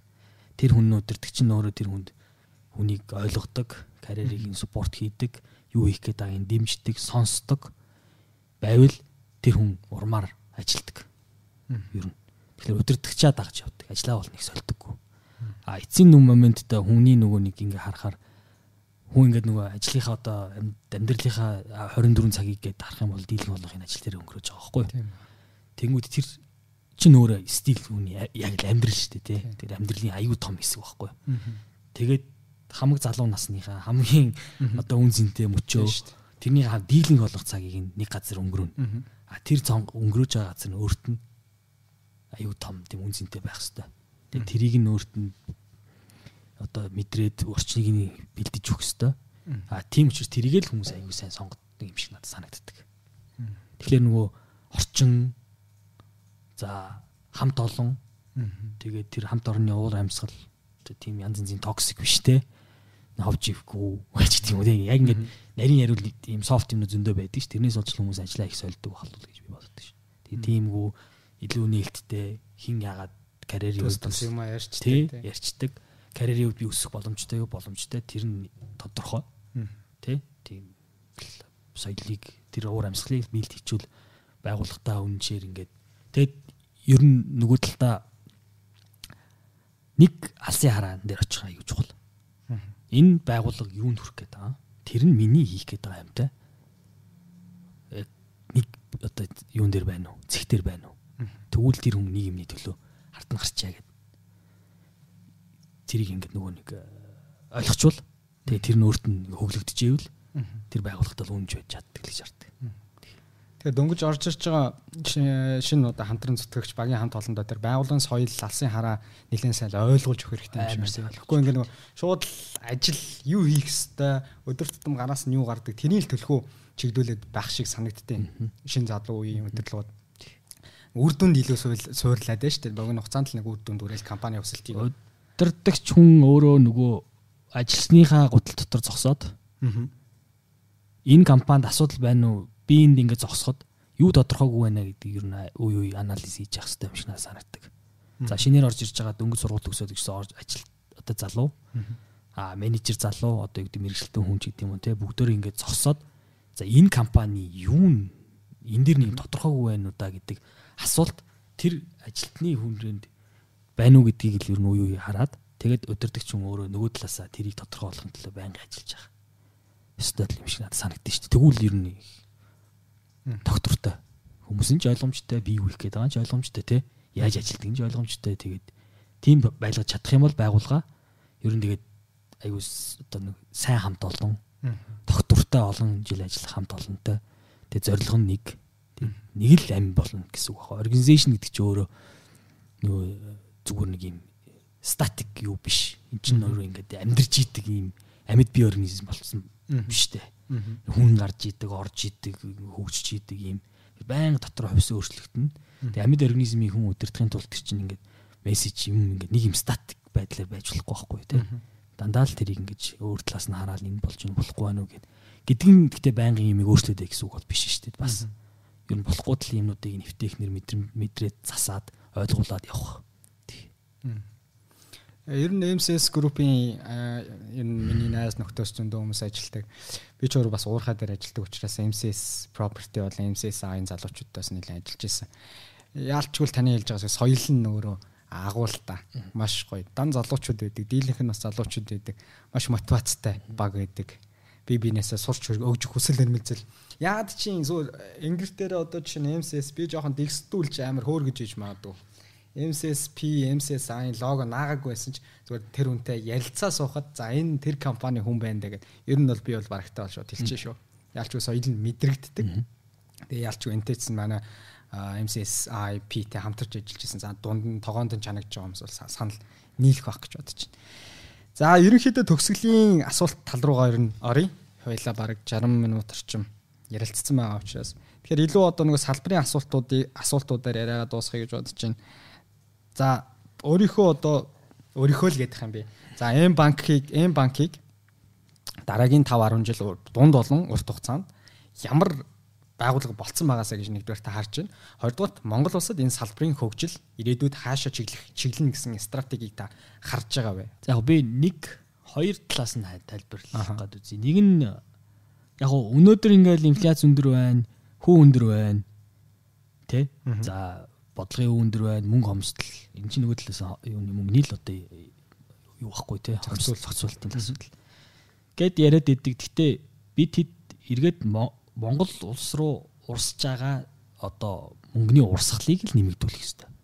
Аа. Урсгалыг нэмэгдүүлэх хэрэгтэй. А тэрний нэг айгүй том давуу тал юун дээр үүсдэг вэ? Банк бол тэрийг айгүй хурднаар сайн хийдэг. Өөрө хэрэгсэл واخгүй гаднаас мөнгө татаж оруулж ирэх. Гаднаас зээл авах. Засгийн газар нэг зээл авч ийн нөгөө талаас бид нар худалдаагаараа мөнгө оруулж ирж ийн дахиад банкуд ус өөрсдийн гэсэн зээлүүд бондод босгоо гадны зах зээлээс оруулж ирж шүү дээ. Их мэдшин талаасаа ингээ харахаар банк өөрөө тэрэн дээр давуу талтай айгүй хурдан санхүүгийн байгууллагуудаас хоорондоо мэдээ солилцоод өөрсдөө үнэлдэг юм чинь рейтингийн схем policy бүх юмнууд нь баруунд ч гэсэн байдаг Монгол ч гэсэн тийшээ гараад ингээ явчихсан салбар учраас банкн дээр тийм байдаг. Тэгэхээр өнөөдөр яг арилжааны 12 банк бол байна. Гэхдээ бид нэр одоо юу гэдгийг банкудаа илүү одоо юу яалах болох хэвээр илүү томруулах хэрэгтэй гэх юм. Олон улсынхын стандартыг нийцүүлэх хэрэгтэй. Тэгээд тэрнийгээ дагуулж гисэн саяны хуулийн өөрчлөлтүүд бол явж байгаа. Тэр нөгөө 20% холбоотой илүү нөгөө нэг governance гэдэг чинь удирдлагын засаглалын асуудлыг яг нэг хүнээс хамааралтай байж болохгүй олон хүмүүсээс хамааралтай ягаад энэ цаана нэрсэл байдаг үний мөнгө байдаг утгаараа. Нэг хүн шийдвэр гаргах болохгүй олон мөнгөөр том мөнгөөр нөгөө нэг давуу өөр дээр давуу тал үүсгэж болохгүй гэсэн санаагаар л тэгээд нөгөө талдаа засаглалын асуудлыг илүү транспарент би олон хүн зөвшөөрж иж шийдвэр гаргаад явдаг гэдэг талаас нь тэрийг бол оруулж ирж байгаа аа нөгөө талдаа энэ бол төв банк одоо төв банкны бодлого маань олон улсад ч тийм нөгөө нөгөө базлын дүрмүүд гэж байдаг. Тэгээ тэрэн дээр одоо юу гэдэг хяналтууд байх хэвээр гих мэтчлийн юмуд ингээд явж идэг байхгүй. Тэгэхээр тэр маань илүү манад дээр хөгжөөд ороод ирэх бах. А нэг хоёрдугаар талд биднийг нөгөө хөрөнгө оруулалт татах боломжийг бас энэ хуулиараа бас тийм айхтар нээлттэй болгож чадаагүй гэж би харж байгаа. Яагаад гэвэл эргээд э, бүгдөө 20 болчвол хин шийдвэр гарах юм гээд шийдвэр гаргахгүй бизнес рүү хин бас хөрөнгө оруулах вэ гэдэг бас нэг асуудал надад харагдаад байгаа байхгүй юу. Тэгэхээр энэ өөрөө хууль нь бас тийм яг зөвөр нөгөө 20 20 гэдэг энэ зөвөр явсан уу юу гэдэг дээр би бол жоох эргэлзэж байгаа. Илүү нөгөө хөрөнгө оруулалт талаас харахаар хөрөнгө оруулагч талаас өөр хүмүүс оруулж ирүүл гэдэг утгаараа шүү дээ. А өөр хүмүүсийг бид нэр оруулж ирж ийж гадны хямдраг их усүртэй хөрөнгийг татаж чадна. Илүү тэгээд э, тэгжиж би манаа дахиад эргээ мөнгө урсгал сайжирна ингээд давуу талууд эргээд харилцагч дээр давуу тал бол үүснэ. А банкны дотоод талаас нь би харах юм бол ерөнхийд нь ингээд 50 ялах юм бол салбар технологийн юмнуудыг бол банкуд тэртээ тэргүй одоо ингээд бүгд төр ээлж дараалан хийн. Би бол хэрвээ ямар хурдаар явах юм бэ л гэдэг асуудал бол гэж бодож байна. Хурд нь хэр хурдтайгаар явах юм. Аа технологи сайн нэвтрүүлж чадсанараа эргээд үйл ажиллагааны зардал маань буурна. Аа зардал буурсан тохиолдолд ашигт ажиллагаа ашигт ажиллагаа сайжирна ашигт ажиллагаа сайжирч байгаа тохиолдолд эргээд бид нэр хям одоо зардлаар харилцагчдаа өгөх боломжийг гаргаж ирнэ. Тэгэхээр тав одоо 500 салбартай банкыг үйл ажиллагааны зардал нэг салбартай банкны үйл ажиллагааны зардал гэдэг бол тэнгэр газар шиг өөрөө шүү дээ тий. Тэрний цаана ажиллаж байгаа хүмүүс гээд ингээд бодохоор аюу олон өндөр зардлууд байгаа. Тэгэхээр энэ чинь ингээд өөрөө ингээд өөрчлөгдөх болвол технологиор шийдэгдээ явах бах гэсэн тийм бодол бол байна шүү дээ. Тэгээд илүү технологиор шилжин харилцагч харилцагч нар ч ихсэн тэрийг дагаад нөгөө илүү технологиор дээр суурилсан янз янзын банкны үйлчлэгийг авдаг болно.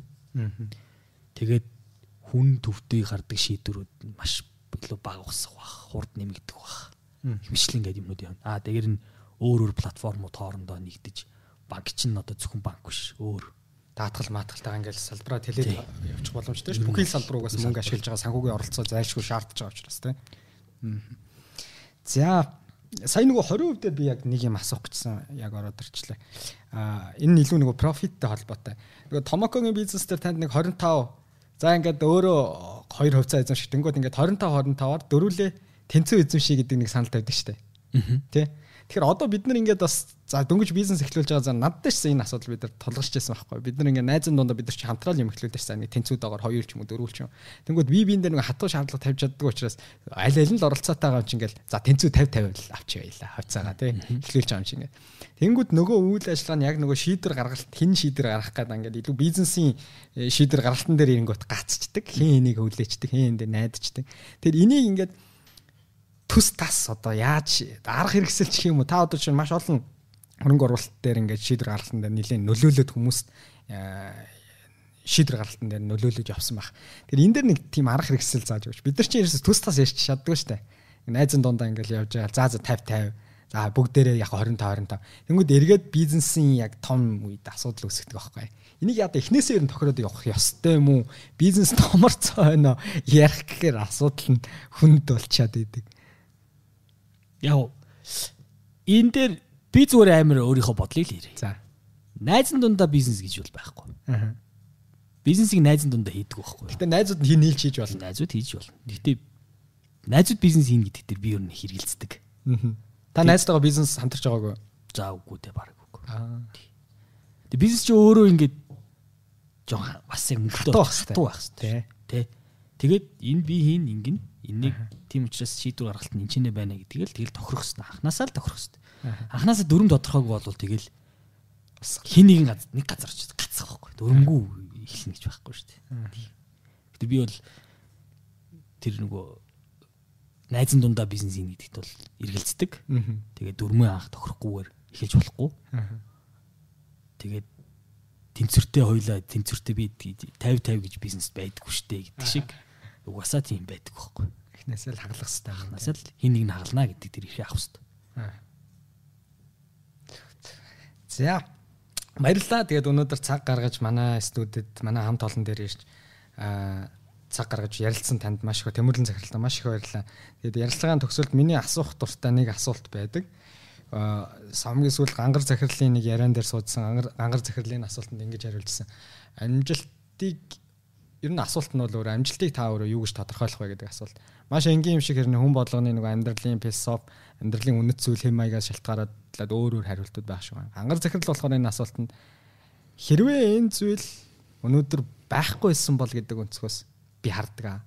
Тэгээд харангууд юмхээр амжилттай байсан байна уу? Энийг эхлүүлээгүй байсан бол яах байсан байна гэдгийг би нэг тийм хэмжүү хэмжих хэмжүүр нь тэгж гарддаг учраас би амжилттай юугүй гэдгийг энэ асуултад тодорхойлдог гэж хариулжсэн. Таны хувьд амжилтыг юу гэж тодорхойлох вэ? Өнөөдрийн одоо ингээ өнцгөөс харахад. За би ч одоо яг нэг тийм амжилттай бас явж байгаа гэж өөрийгөө бас нэг боддгоо шүү дээ. За залуучууд дундаа бол та амжилттай явж байгаа бас манлайлагч хүмүүс гэж харж байгаа шүү бид нар. Яг амжилтыг яаж харах уу гэвэл миний зүгээр хийж исэн одоо хийж байгаа бизнестэй илүү уялдаатаагаар танигдсан байдал хүмүүс хэрглэж байгаа байдлаар л дүгнэх баг. Нь баг ангар захирлын яриатай ажиллах нь утгатай юм байна. Юу их бодохоор хэрвээ ийм банкыг өнөөдөр яг яхаа ийм банкны хувьд бид нэр 61 э, мянган харилцагчтай болчихсон байна. Тэгээ сүүлийн 8 сарын хугацаанд 61 мянган харилцагчтай болсон. За Simple-ийн хувьд за бараг 300 мянган харилцагчтай болчихсон. Тэгэхээр хэрэглэгчийн хэрэгжилж байгаа хэрэглээ гэдгийнхаа тоогоор нь харахаар хэрэгцээтэй юм хийсэн байна. Тэгээд хүмүүс нөгөө үнцийг өгч штэ тэ. Тийм учраас амжилттай тэрийгээр тэргээр л дүгнэх болов гэж бодож байна. 13 жилийн карьерийн хугацаанд ер нь зүгээр онцлох за би нэг тэр үед баг хамт олноороо тэр төслийг л үнэхээр амжилттай хийцсэн юм да гэд. Ам бардам та нэг баг хамт олноороо бахархаж ярих гэвэл симпл төслийг ярих уу өнөөдрийн эм банк ярих уу магадгүй тэр MMS дөнгөж карьер эхлүүлж исэн үеийг ярих уу? Аль нэгийг л онцлыг гэвэл. Бид нар бүгд л танд бол өөр өөр ингэсэн түүх баг хамт олонны дурсамжийг бүтээсэн байгаа л да. Нэгийг л онцлыг гэвэл миний оролцоотой хамгийн их оролцоотой хамгийн их өөрийнхөө нөгөө үнцнийг хүсэн гэдэг утгаараа би simple M2-ыг л хэлнэ. Яг simple чинь бас нөгөө талдаа бид нар нөгөө нэг лицензийнхаа зөвшөөрлийг 17 онд хүсчээд тэгээд амар утсан болсон байхгүй. Тэгээд simple-ийг хийх шийдвэр бол илүү тийм юу байсан л та гинти. Үгүй банк хийх зорилготой байсан хүмүүс simple хийцэн баггүй юу. Зөвшөөрөл өгөхгүй байсан учраас банк хүлээж явахдаа бид нэр яг л нөгөө маневрын асуудал баггүй. Тэгээ бид нар ингээд гарахгүй бол яах юм бэ гэдэг дээрээ байгаад ах юм уу тэгэл ингээл хүлээгээл суугаад ах юм эсвэл ер нь ер нь дуугаал эхлэе те гэдэг дээрээ за ер нь шууд эхлэе л гээл. Угаасаа одоо хийн л гэсэн юм чи нэг юм хийн хийх ёстой санхүүгийн бис хийн гэж юм чинь. Заавал банк хийхгүй бол дараа нь учир нь олт нэзгээл. Тэгэл симплиг ихэлсэн. Тэгээд ер нь бол эн чинь суур нь бол нэг хамт олон баггүй юу. Тий. Тийм учраас тэгээд энэ дээр миний оролцоо аяг өндөр байсан учраас би нэгээд энэ хоёрыг л хэлнэ те. За баярлалаа. Тэгээд э, сонсогч та бүхэндээ бас маш их баярлалаа. Тэгээд э, Тэмүүлэн захирал бит хоёрын яриаг цаг гаргаж бараг цаг 30 маш Миний хувьд бол асууя гэсэн баг бүх асуултуудаа асуучлаа. Би бол сэтгэл ханамж өндөр байна. Тэгээд энэ удаагийн дугаарыг цаг гаргасан цаг гаргаж сонссон сонсогч нартаа баярлалаа. Тэмүүлэн захиралтаа дахиад баярлснаа илэрхийлье. Тэгээд хамт олондоо бас маш их баярлалаа. Дараа дараагийн дугаараар дахин уулзтлаа. Түр баяртай. За баяртай. За баярлалаа. За энэ удаагийн дугаар та бүхэн таалагдсан гэж найдаж байна. Подкаст ихэнд хэлсэн шиг нэлээд өргөн үрнэтэй ярилцсан сэдв байгаа. Гэтэ сэдвээсээ нэг хэдэн тийшээ хальж яваагүй нэг ганц хоёр жанжин шугамаа бариад яг тэр чиглэлийн сэдвийн асуултуудыг бол асуугаад дуссан. Тэгээд цаг гаргаж бүтэн нэг дугаарыг сонссон та бүхэндээ баярлалаа. Тэгээд Skeleton podcast YouTube сувгийг та subscribe хийгээг бол яг удаа subscribe хийгээрэй. Тэгээд шинэ дугаарууд нь хамгийн эхлээд YouTube сувг дээр орж байгаа. За араас нь аудио дугаарыг бол бид нар 1-2 хоногийн хугацаанд цаг алдалгүй бас аудиог нь тогтмол оруулаад явах болно. Яг тэгэхээр зарим хүмүүс маань аудио сонсох сонирхолтой байдаг учраас тэгж хичээж ажиллаж байна. За дээрэс нь тэгээс Skeleton podcast Instagram сувгийг та бүхэн маань дагаарай. Дугаар болгоны төгсгөл би ингэж дахин дахин хэлээд байдаг нь та хэдийг нэгсэндээ шин дугаар, шин контентуудыг цаг алдалгүй тэр дорноос хүлээж аваасаа гэдэг утгаар дахин дахин лавлаж хэлээд байдаг юм шүү. За баярлалаа. Дараа дараагийн дугаараар дахин уулзлаа. Түр баяртай залуусаа. Өдрийг сайхан өнгөрүүлцгээе.